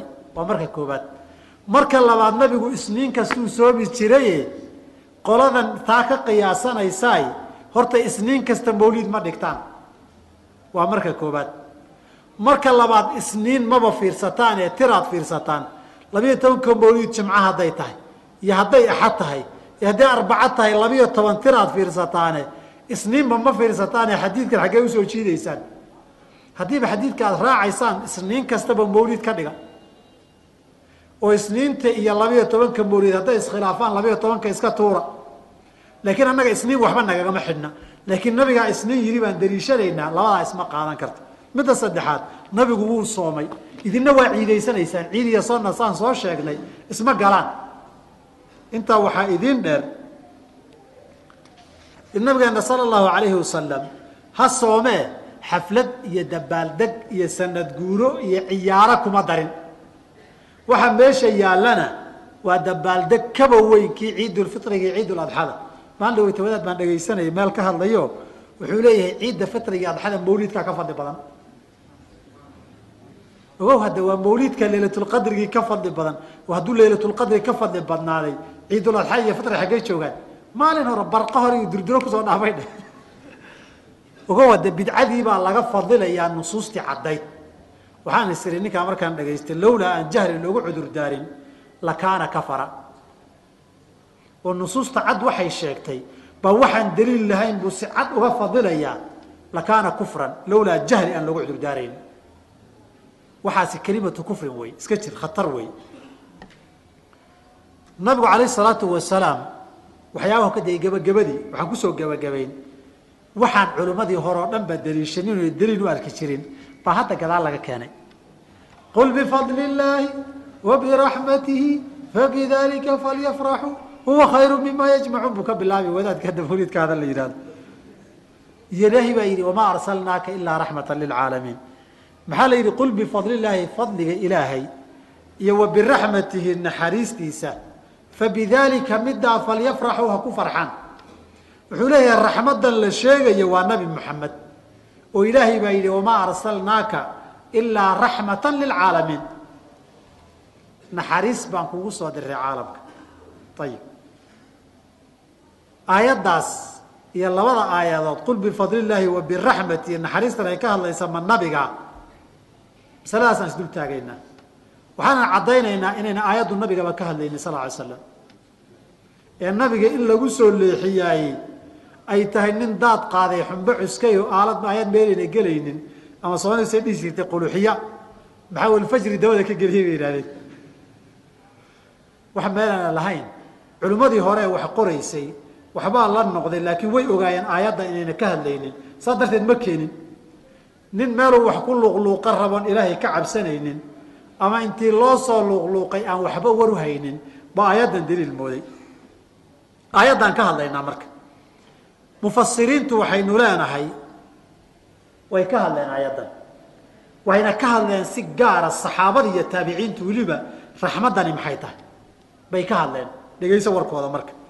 Imaam ibnu jariir abari raximah llahu tacaala wuxuu yihi alqawlu fii ta'wiili qawlihi tacaala tafsiirka aayaddan aan ka hadlaynaa wey qul bifadli illaahi wa fabidalika falyafraxuu huwa khayru mima yajmacuun aayaddaa tafsiirkeeda iga dhegaysu yihi shaykhu lmufasiriin qaala abu jacfarin abu jacfar maxamed ibn jariir abari yaquulu tacaala linabiyihi muxamadi sala اllah alay slam nabigiisa muxamed buu ku leeyahay qul waxaad tidhaahdaa yaa muxamadu lihaai lmukadibiina bika kuwaa ku beeniye waxaad ku dhahdaa wa bimaa unzila ilayka min cindi rabbik iyo kitaabkii alla kuu soo dejiyeyba beeniyey bifadli illaahi fadliga ilaahay ayuha nnaasu dad yahow aladii tafadala bihi calaykum idinku fadilay wa huwa alslaamu wey.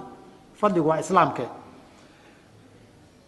Fabayanahu lakum waa idiin caddeeyey. Wadacaakum ilayhi waa idinku yeeray. Iyo wa biraxmatihi naxariistiisa alatii raximakum biha idinku naxariistay. Faanzalahaa ilaykum naxariista uu idiin soo dejiyey. Facallamakum idin baray maa lam takunuu taclamuuna min kitaabihi waxaydan aqoonin oo kitaabkiisa ah.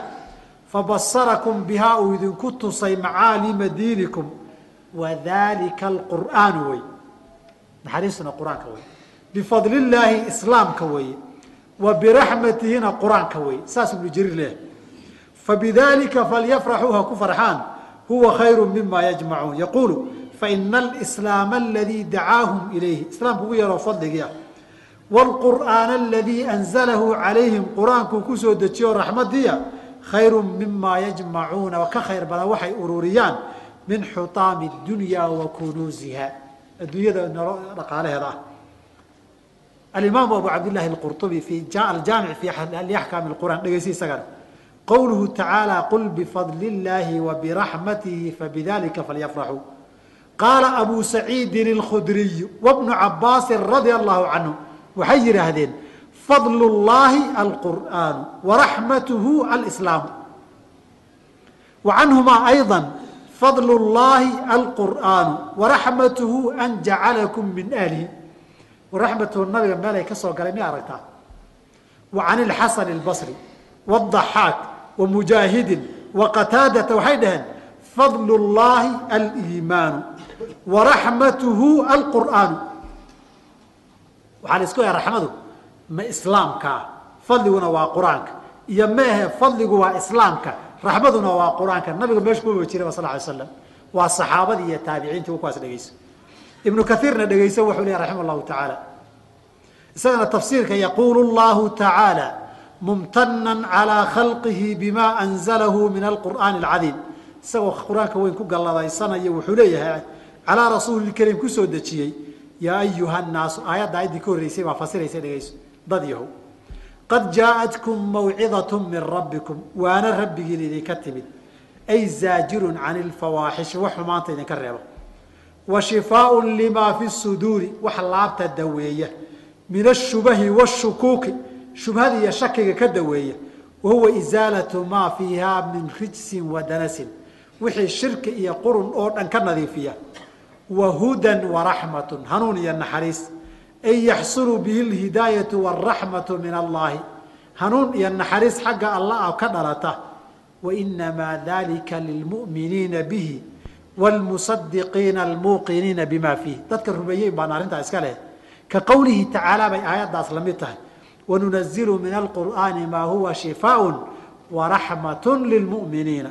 Walaa yaziid alimiin ilaa khasaara wa tacaala qul liladiina aamanuu huda washifaa qowluhu tacaalى qul bifadli اllahi wabiraxmatihi fabidalika falyafraxuu huwa khayru mima yajmacuun wuxuu li ay bihada aladii jaaahum kan u yimid min allahi min alhudaa wa diini اlxaqi ah falyafraxuu ha ku farxaan fainahu wlaa mima wlaa maa yafraxuuna bih waxa lagu farxay isagaa ugu fiican wa qaala ibnu qayim اljawziya fi tafsiirihi aayaddan wuxuu yihi waqad daarat aqwaalu salaf aqwaashii salafka aayaddan waxay ku wareegtay calaa ana fadla allahi waraxmatuhu alslaamu wasunatu inay tahay aqwaashu dhaafilaada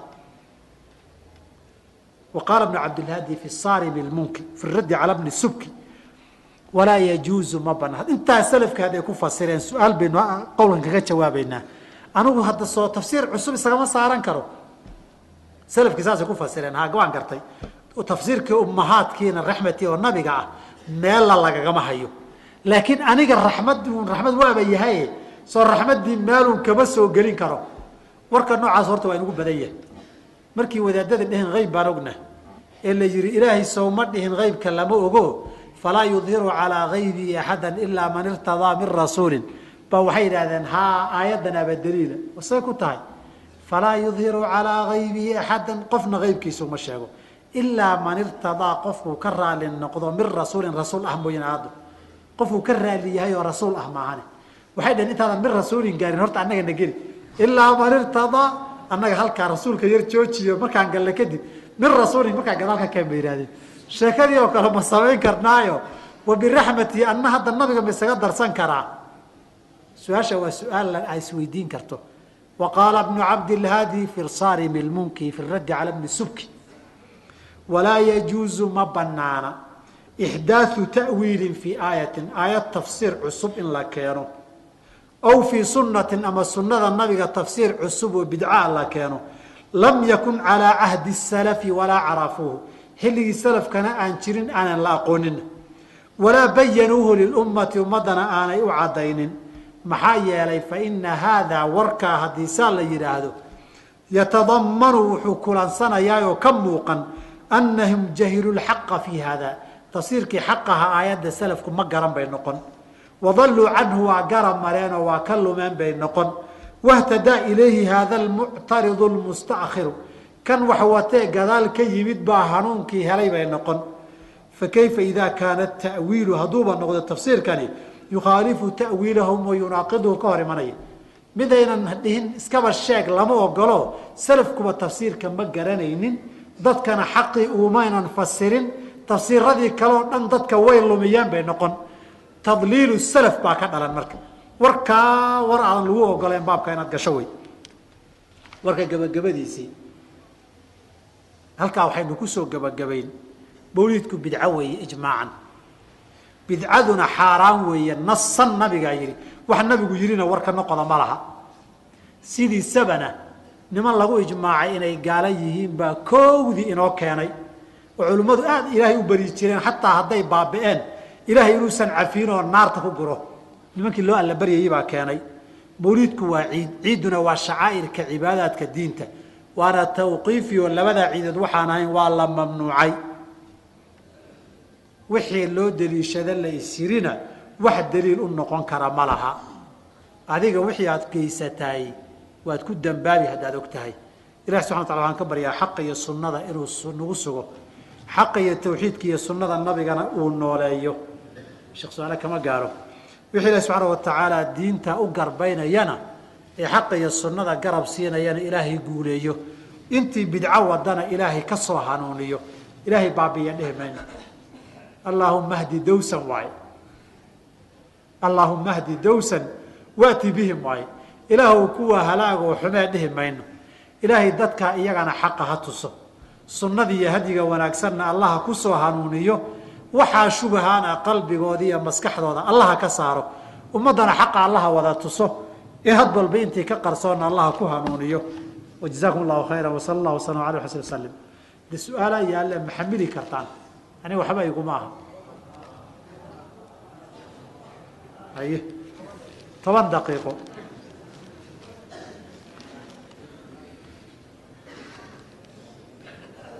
ma jiraan culimmada joodmooweyn oo tiri mawliidka waa bidca xasana ama ogol.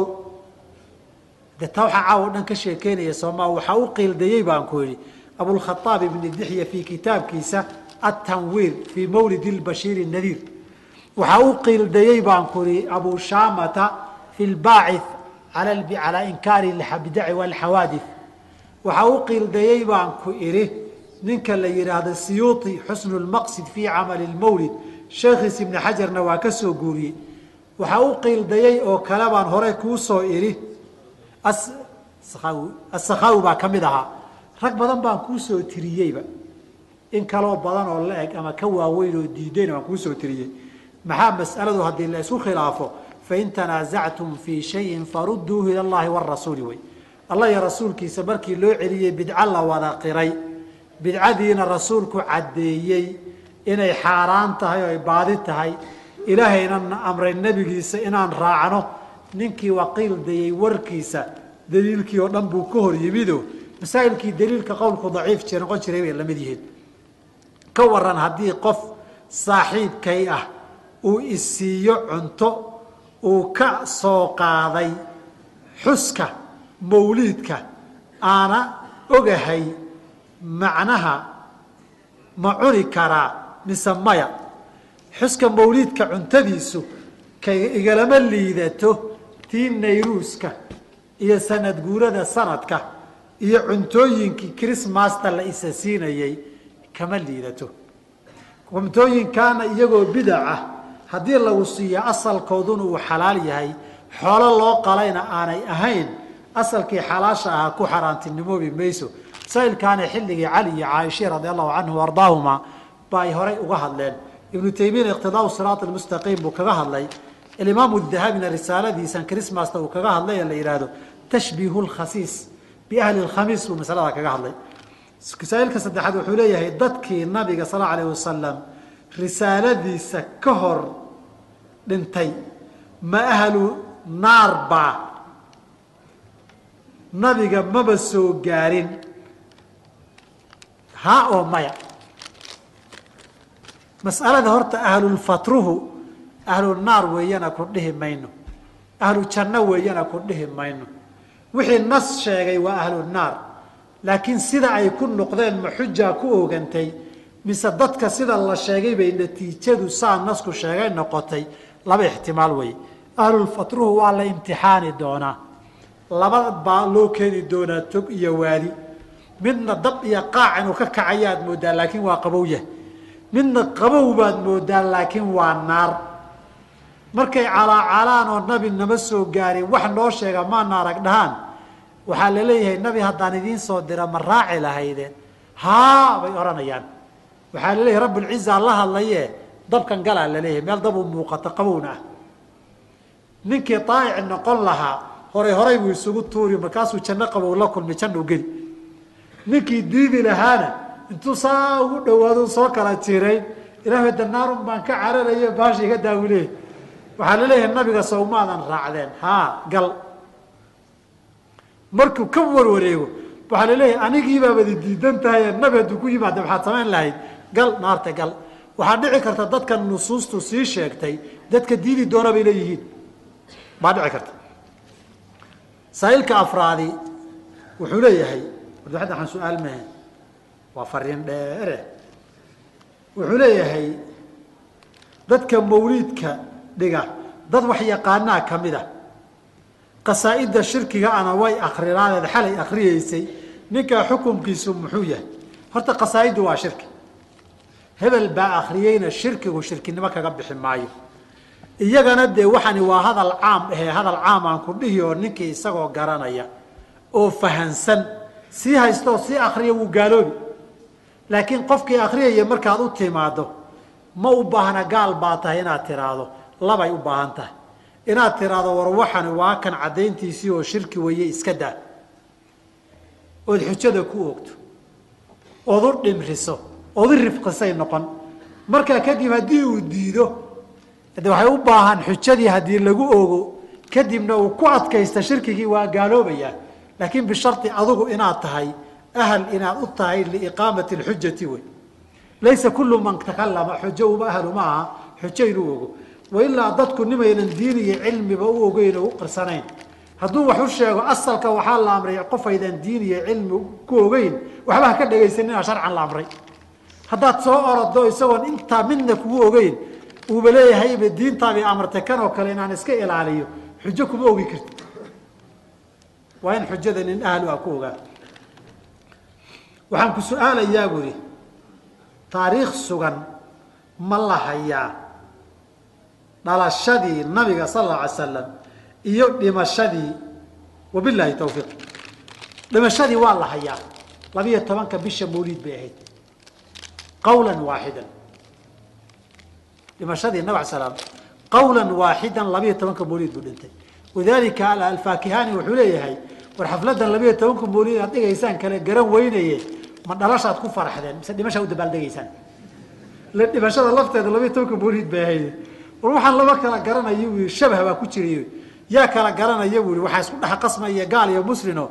Nin farxad u dabaaldegaya dhimashadiisii iyo nin farxad dhalasho u dabaaldegaya dhalashadu laakiin khilaaf baa ku jira. Waxaa loo badan yahay inay labiyo tobanka mawliid ahayd. Qaar culimmadu waxay leeyihiin sideeddii bay ahayd qaar sagaalkii bay ahayd bay leeyihiin. Walidaalika abuu saciid kookbari labada sano marna sideedda ama sagaalku dhigi jiray marna labiyo tobanku dhigi jiray labada qol ugu mashhuursan. Alaa kulli xaal tafaasiishana waan ku saxiix asiira dahabiya ama asiira nabawiya saxiixa ama saxiixu siira nabawiya sheekh alfaadil maxamed risqi tarhuni buu kaga hadlay tafaasiisha aathaarta ay riwaayaadka dhalashadii nabige halkaa ka doona wuxuu yihi sidee nabiga loo xusaa? Marka laga soo tago qaabka ay suufiyada u dhigaan waa lagu yaqaanaa. Nabiga waxaa loo xusaa calayhi salaatu wasalaam kow sunnadiisaa la raacaa iyo hadyigiisii maalin kasta markaad kudayashadiisii ka shaqaynayso xuskii waa taaganya salligiisaa la badiyaa.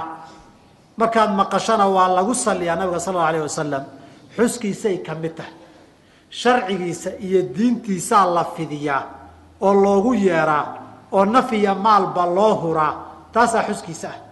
Nabiga waa la jeclaadaa waana la tamaniyaa allow yaalla mar la kulma. Waxaana nafta la gaarsiiyaa haddii maanta la dhihi lahaa waxaad adduun iyo xoolo leedahay. Hal marood nabiga aragta ku furo inay diyaar u noqoto inay ku furato halkaa inaad nafta gaarsiisaa la rabaa. Xiisaha iyo hilowbay u qabta nabiga alayh slat slam iyo kuwa lamidoo madaahirulmaxaba iyo asbaabteedii iyo asbaabta loo jeclaanay kaga soo hadalay wuxuu yihi haddaad tiraahdeen farxadda dhalashada nabiga sala allahu alayh wasalam in loo dabaaldego waa xaaraan.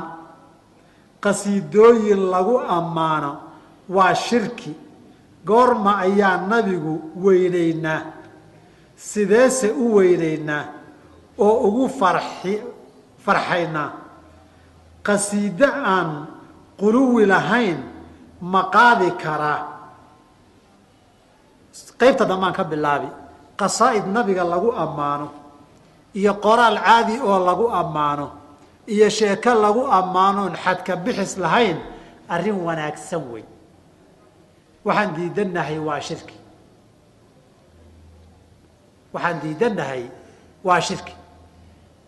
In nabi maxamed la ammaano isagoo joogaa gabay lagu ammaani jiray. Oo xasaan ibni thaabit baa shaaciru rasuulilahi ammaani jiray oo kacb ibni malik baa ammaani jiray oo waxaa ammaani jiray cabdillaahi ibni rawaxa ammaani jiray oo kacb ibni zuhayr baa qasiidadan baanad sucaada ku ammaanay. Oo intii ka dambaysay baa la ammaani jiray sal l slam ilaa haddaa la ammaanaa inaan nabiga istaagoon ammaano iyo kitaab ammaan hadala inaan ku qoro iyo inaan fagaaro kaga sheekeeyo iyo masaajid inaan ka aqriyo siiradiisa iyo ammaantiisa iyo shamaa'ilkiisa iyo gabay inaan ku tiriyo intaba waa la ogolyahay laakiin guluwigana lama ogola xafladda sanad guurada ana lama ogola oo cibaadaad jidaynaysa wey. Ammaantiisa waxaa ka mida inta nabi maxamed la ammaano. Ammaanta ugu sharaf badan sala allahu alay wasalam ma taqaanaa. Waa diintiisoo say tahay loo qabsadoo loo raaco oo wax la barbar dhigi karo iyo wax lagu soo mateli karo iyo wax looga leexan kara ma jirto intaad tidhaahdo. Halkii nebi maxamed maray calayhi salaatu wasalaam habeen iyo maalin aad daydayda wey xuskiisa ma aha nin sannadkii mar keliya xusay nabiga waa gooyey. Nabigana ma sharfin. Nabiga waxaa la rabaa inaad sharafto seed u xusi sidii kacbi ubay ibni kacbin habeenkiis waan toosaa. Afaajcaluu laka imisaan ka dhigaa salligaaga iyo xuskaaga markaasuu yidhi maa shita. Intaa doonto. Markaasuu yidhi saddex meelood meel rubuc ma ka dhigaa. Waxaa la yidhi haddaad rabto laakiin ka sii badi baa ka fiican.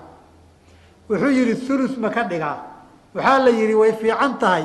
Haddaad ka sii badisana ka fiican. Nus ma ka dhigaa. Way fiican tahay. Haddaad ka badisana ka fiican. Saddex meelood laba ma ka dhigaa. Way fiican tahay. Haddaad ka sii badisana ka fiican. Dhammaan baan ka dhigayaa marka.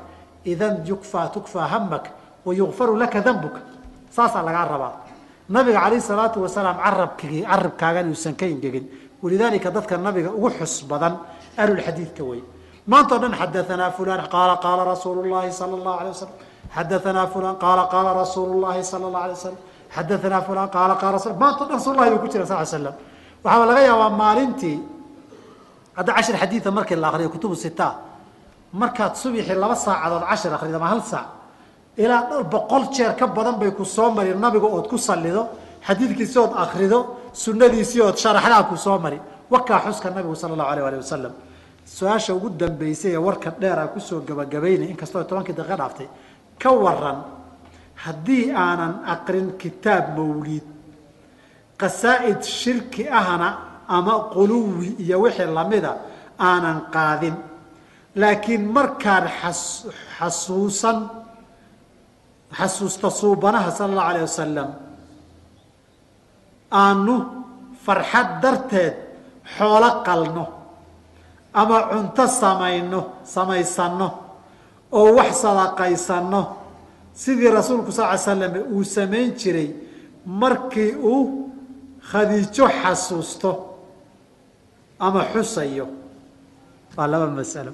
Horta warkan dambe waa khalad markuu khadiijo xuso ama xasuusto weligii nabigu xoolama qalin been wey laakiin qisada aan kuu saxo weligeedbana mas'alo qalloocatay meelahaasoo kale ay ka murugtaa nabigu khadiija markay xoolo iyo hilib iyagu qashaan baa hilibka wuxuu nabigu mar walba ku dadaali jiray dariska iyo dadka asxaabta in wax laga siiyo. Xataa ilaas haweenkiisu intay barteen hilibkii iyo xoolihii ay qashaan isaga oo maqan ay qaybin jireen oo maalin ay yidhaahdeen uu yidhi neefkii maxaa ka yaalla waan wada bixine neefkii waxay yidhahdeen waxaa ka yaalla garab intii kale waa ina dhaaftay baa la yidhi. Inta kale aynoo hadhay bu hadigaa waa dhaqanuu xaasaskiisa baray bay ahayd. Markii haddaba qaraabadii iyo asxaabtiia la siinayo baa wuxuu ku dari jiray asxaabtii khadiija.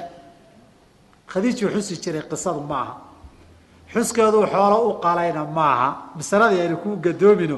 Markaa waxaan jirin oo axkaamaha ku salayn. Taa masalada koowaad ee bilowga.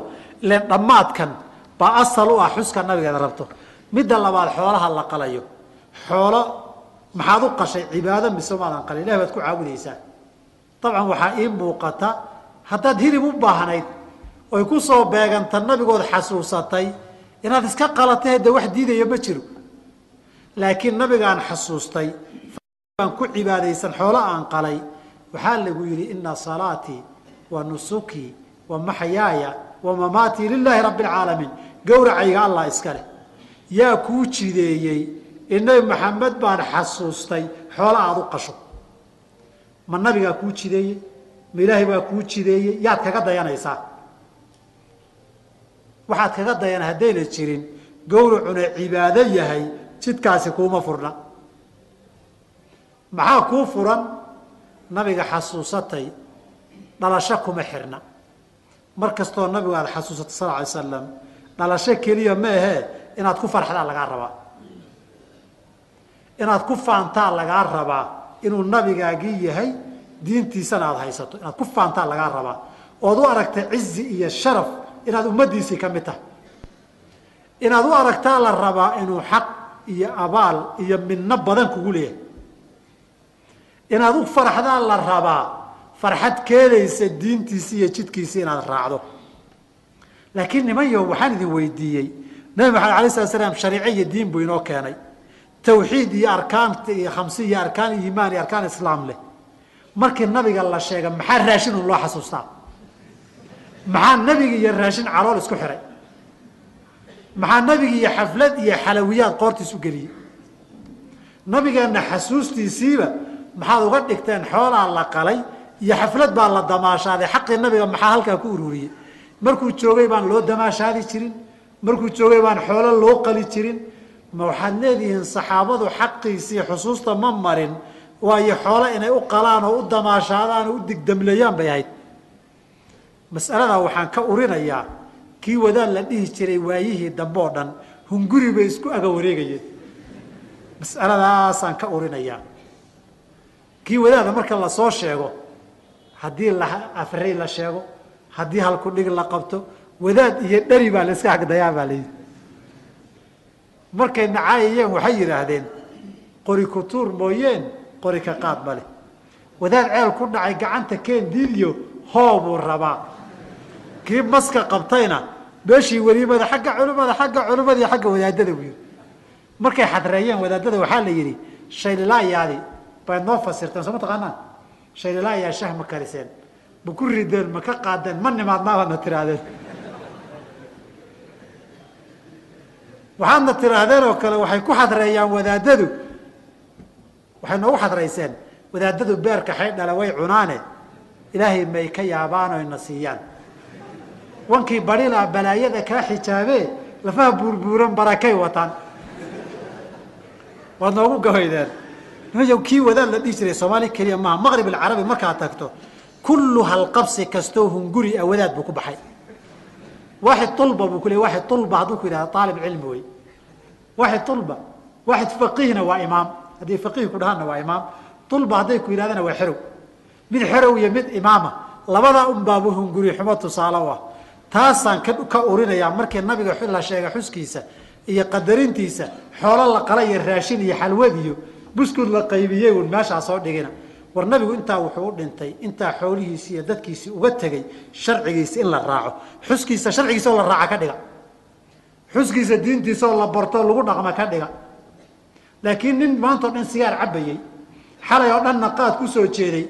Baa ku nabigaan xusayaayo farxaddiisaan u soo jeedaa war nabi maxamed aad xusayso xaaraanta qaadka sigaarka maa iska daysa maye xuska nabigaan ugu soo jeedaa kule wuu taqsiinsan yahay.